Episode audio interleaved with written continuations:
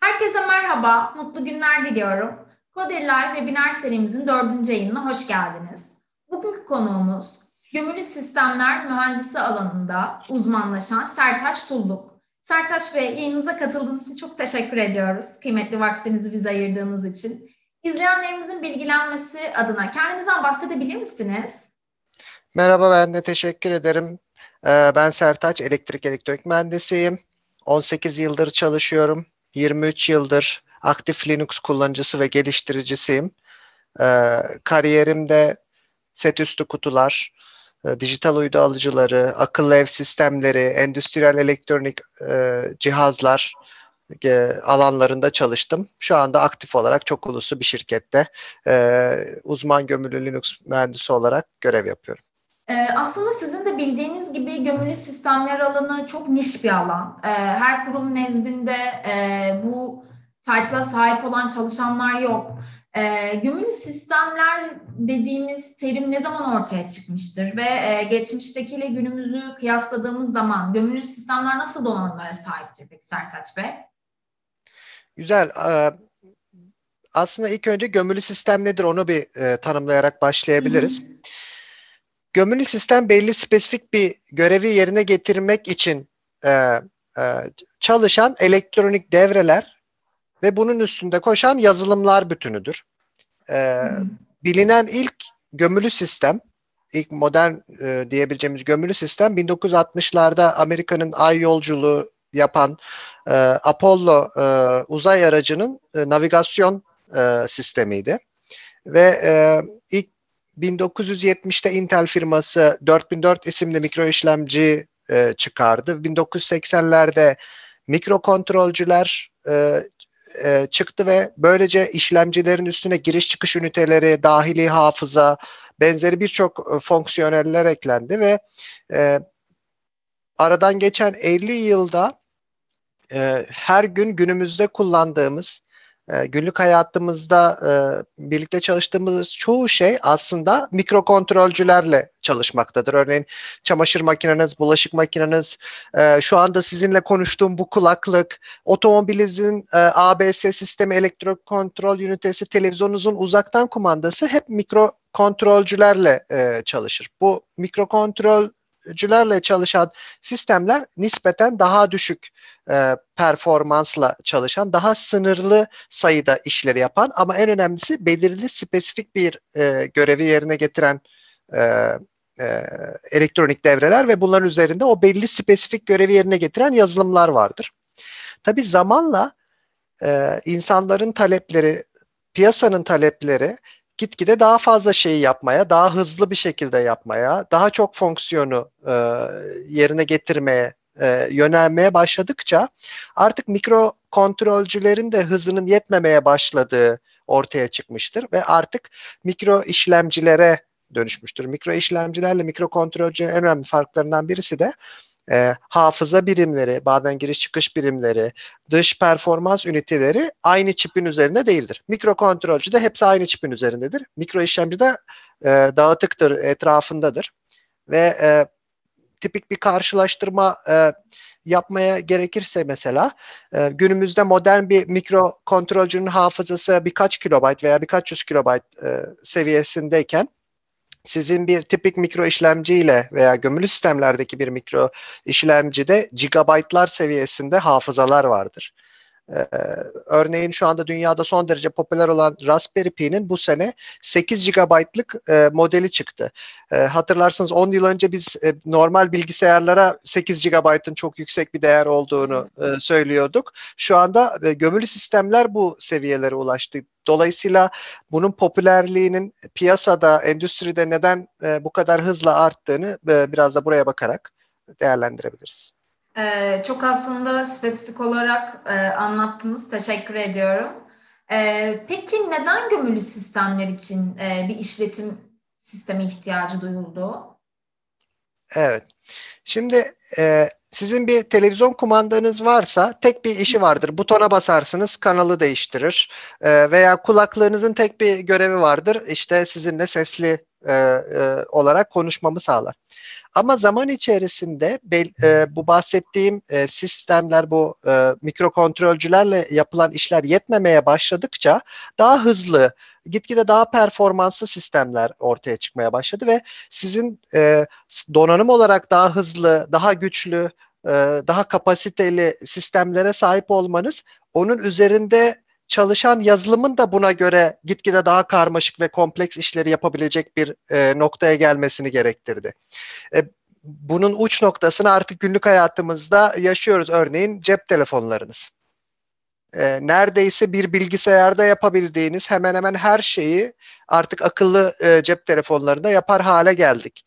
E, cep telefonları gömülü sistemlerin şu anda dünyada vardığı en uç noktadır. E, akıllı tabletler de aynı şekilde. Daha orta seviyelerde örneğin evinizdeki akıllı TV'ler.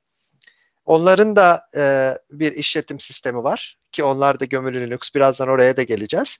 E, onların da e, uygulama marketleri var. Aynı cep telefonunuzda olduğu gibi. Onlar da birden fazla e, işlemi yerine getirebiliyor. Bunun altını çizmek istiyorum aynı anda birden fazla işi yerine getirebiliyor olmak.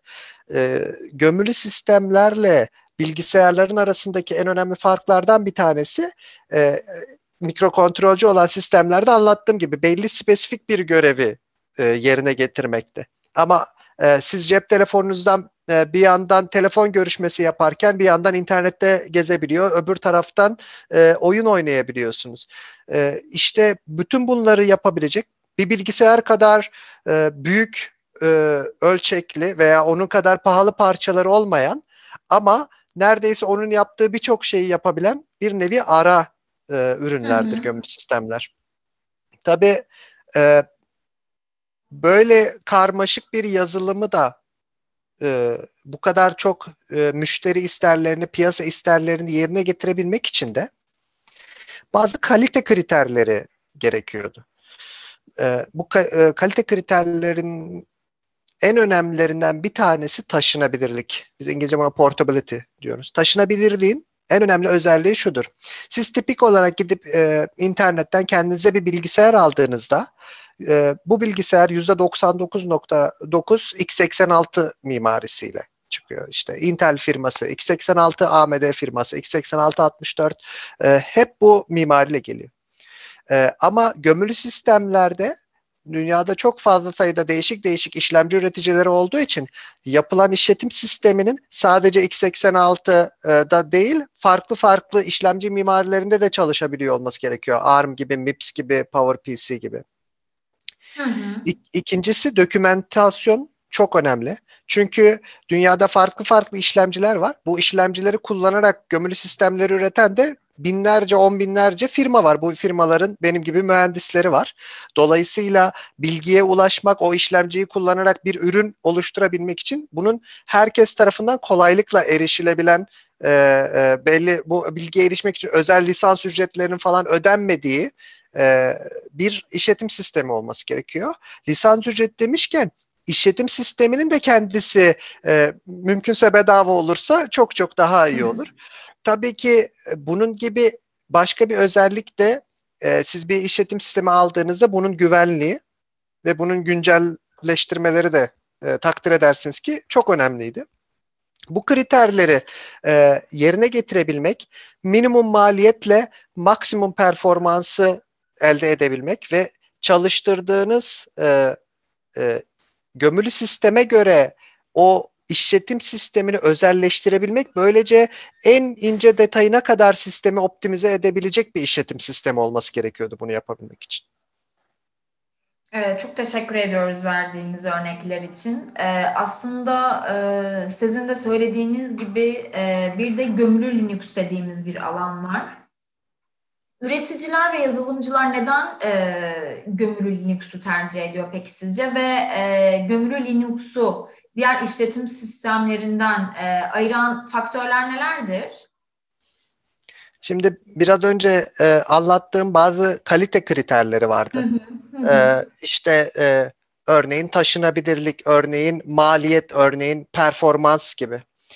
Linux 1992'de ilk piyasaya e, çıktığında aslında bilgisayarlar için yapılmış e, özgür bir e, işletim sistemiydi. Bunu Linus Torvalds e, Helsinki'de e, e, Finlandiya Helsinki'de üniversitede doktora öğrencisiyken e, bunu yaptı ve e, o zamanlar haber grupları vardı. İnternetteki haber gruplarından birine e, bir mail attı. Ben şu anda e, özgür bir e, e yazılım geliştiriyorum bunu e, e, beraber e, geliştirmeye ne dersiniz minvalinde bir maille başladı her şey ve ilk başladığında bu aslında bilgisayarlar içindi. Fakat Linux'un mimarisi o kadar iyi kurgulanmış ve o kadar iyi tasarlanmıştı ki bunu diğer işlemci ailelerine özellikle e, e, mikro işlemcilere özellikle sistem on chip'ti adını verdiğimiz bu gömülü sistemlerin kullandığı işlemcilere taşımak, port etmek çok kolaydı. E, üstüne üstlük bu ücretsiz bir işletim sistemiydi ve bütün kaynak kodları açıktı. Dokümantasyonu gitgide gelişiyordu ve en önemlilerinden biri siz bu işletim sistemini istediğiniz, yapmak istediğiniz ürüne göre özelleştirebilmeniz çok kolaydı. Bütün bu kalite kriterlerini bir araya getirdiğinizde Linux diğer gömülü e, işletim sistemlerine büyük bir fark atıyordu. Zaten dünyadaki şu anda e, gömülü işletim sistemine sahip cihazların e, %95'inden fazlası gömülü Linux kullanıyor. Ee, aslında hep avantajlarından bahsettiniz e, gömülü evet. Peki hiç dezavantajı var mı? Evet, e, e, mühendisliğin en önemli kurallarından bir tanesi doğru iş için doğru alet kullanmaktır. Linux hı hı. piyasadaki e, birçok farklı e, ürünler için aslında olabilecek en iyi e, işletim sistemi e, diyebiliriz. Örneğin şu anda dünyadaki akıllı telefonların, tabletlerin %84'ü Android e, işletim sistemini kullanıyor. Android aslında bildiğiniz gibi Linux çekirdeğini kullanıyor. Hı hı, Onlar da hı. sistem on çiplerle çalışıyor. Elinizdeki e, e, cep telefonunun içindeki işlemci Linux koşturuyor aslında. Hı hı, e, hı. Veya evinizdeki akıllı e, televizyonlar, e, akıllı televizyonların e, Tizen ya da WebOS diye bahsettiğimiz işletim sistemleri bildiğiniz Linux. Ee, sadece arayüzler değişiyor. Android'in arayüzü farklı oluyor. Tizen'in arayüzü farklı oluyor. WebOS'un arayüzü farklı oluyor. Ama arka planda çalışan mekanizma hep aynı. Eğer evinizdeki e, internet modeminiz Hı hı. Piyasadakilerin %90'ı Linux. Kolunuzdaki akıllı e, saat, e, işte e, endüstriyel otomasyon cihazları, akıllı ev ürünleri bunların hepsi bunu e, kullanıyor. Bu işler için yani bu alanlar için Linux çok avantajlı. Ama e, bazı alanlar var ki askeri ya da medikal alanlar gibi alanlar. Orada sizin bazen nanosaniyeler mertebesinde tepki vermesini beklediğiniz e, ürünler, e, şeyler olabiliyor. Askeri, mesela bir balistik füzenin havadaki navigasyon yazılımı. Saniyede binlerce kilometre hızla uçan bir füzeyi kontrol edebilmek için sizin çok iyi tepki verebilmeniz gerekiyor. Linux o performans ve konfigüre edilebilirliğini birden fazla katmandan oluşmasını e, bağlıyor ve her bir eklenen katman size bir gecikme yaratıyor. Dolayısıyla o tip ürünler için e, Linux kullanmak çok doğru bir e, e, şey olmuyor. Veya eğer sadece işte televizyonunuzun uzaktan kumandasıyla kanal değiştirmek istiyorsanız bu kadar basit bir iş için Linux gibi çok kompleks bir e, işletim sistemini kullanmakta e, İngilizcesi overkill, aşırı e, aşırı kullanıma gelir. Yani aşırı mühendislik olur. E, dolayısıyla e, e, Linux'un avantajlı olduğu, avantajlı olmadığı alanlar var. E, avantajlarından da dezavantajlarından da ve aslında günlük hayatımızda kullandığımız bütün teknolojik aletlerde de e, gömülü Linux'un kullandığını belirttiniz ve verdiğiniz örneklerle aslında iyice ne pekişmiş oldu. Ee, peki e, gömülü Linux sistem donanımlarından birazcık bahsedebilir misiniz? Hı hı. Ee, donanım derken aslında şöyle tarif edebilir. Ürünler bazında zaten genel olarak anlattım. Kullandığınız akıllı. E, telefonlar, televizyonlar, işte internete çıkmanızı sağlayan aygıtlar. E, bu aygıtların hepsinin tek bir ortak noktası var. İçlerinde bizim kısaca SOC diye tanımladığımız sistem on çipler var. Hı hı. Ee, bu sistem on çipler e, e, her birisi farklı mimarilerde veya benzer mimarilerde olabiliyorlar. Linux'un taşınabilirliğini anlatmıştık. Bu işlemcilere kolaylıkla port ediliyorlar ve farklı konfigürasyonlarla Linux bunların üstünde hepsinde çalışabiliyor. Örneğin bir e, gömülü sistemde sadece 128 MB e, memory varken, RAM varken birinde 8 GB RAM olabiliyor. Kullanımına göre değişebiliyor. Güncel e, cep telefonlarınızda e, 10 GB RAM'lerden bahsediliyor. Niye? Çünkü cep telefonları artık o kadar ileri seviyelere gitti ki bir sürü şeyi yapabilir hale geliyorsunuz. Ama e, bir e, internet modemindeki tipik bir e, e, RAM miktarı 256 MB fazla fazla yetiyor. E, kullanım kullanım alanına, kullanım amacına göre zaten gömülü sistem dememizin sebebi bu. E, belli spesifik e, yaptığı göreve göre e, Linux'un üstünde koştuğu donanımlar da değişiyor. Ama asıl Linux'un parladığı, başarılı olduğu alan bu. Donanım değişmesine rağmen mimariyi aynı tutabiliyorsunuz. Ee, anladım. Çok teşekkür ediyoruz. Ee, eminim çok fazla e, izleyicimiz bu alanda ilerlemek istiyordur. Ee, motivasyonu olan izleyicilerimizin bilgilenmesi adına Gömülü Linux'la birlikte e, öğrenilmesi gereken yazılım dilleri var mı? Varsa birazcık onlardan bahsedebilir misiniz?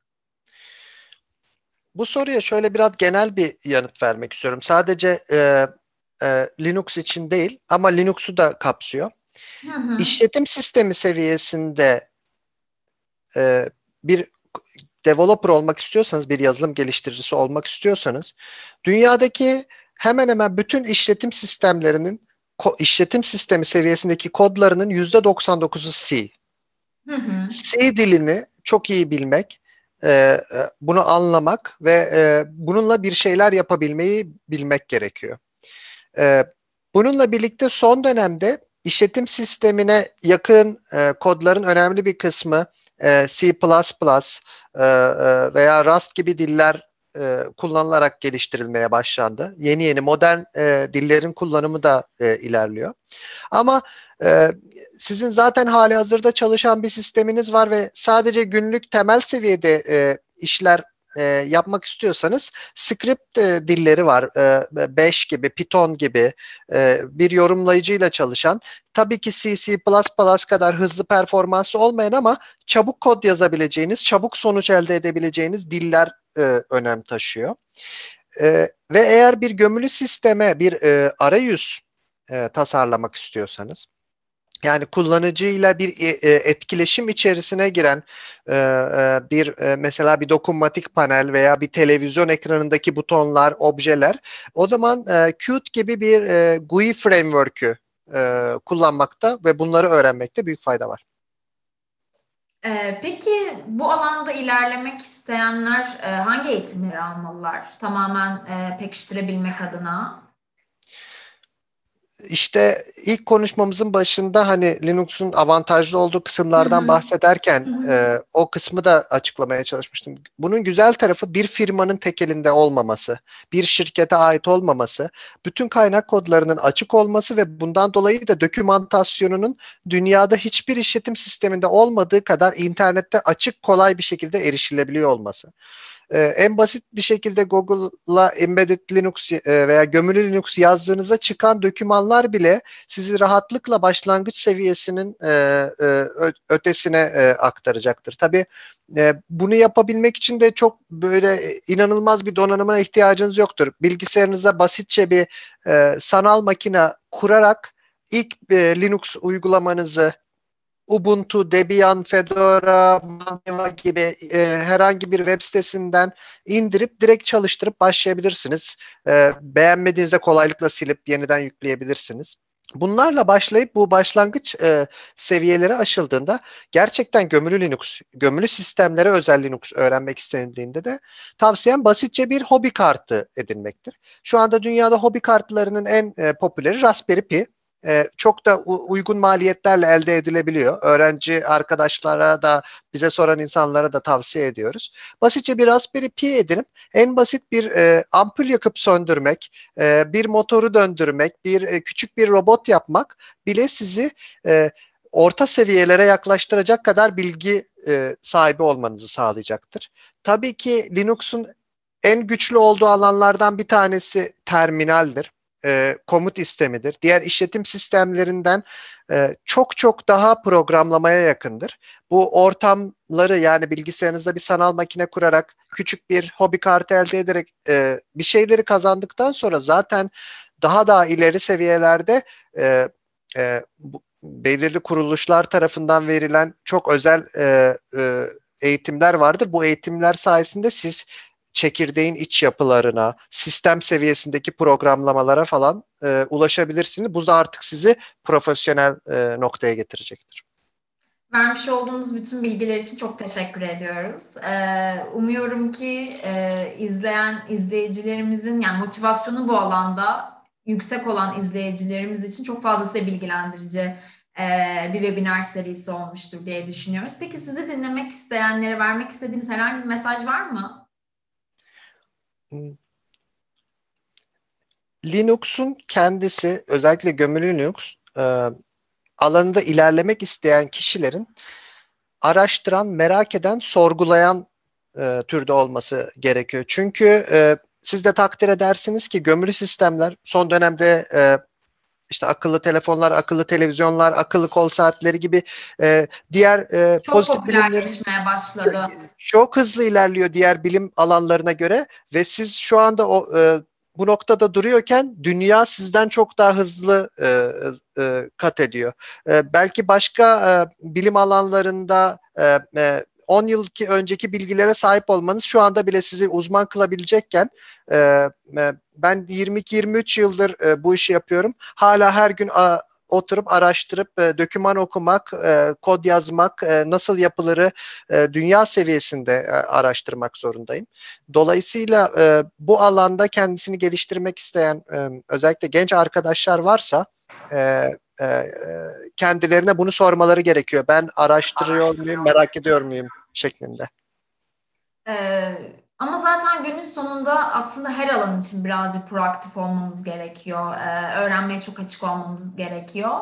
Ee, umuyorum ki e, çok ilham verici bir e, mesaj olmuştur. İzleyicilerimiz aslında vermek istediğiniz mesajın ilham verici e, boyutunu almıştır diye düşünüyorum.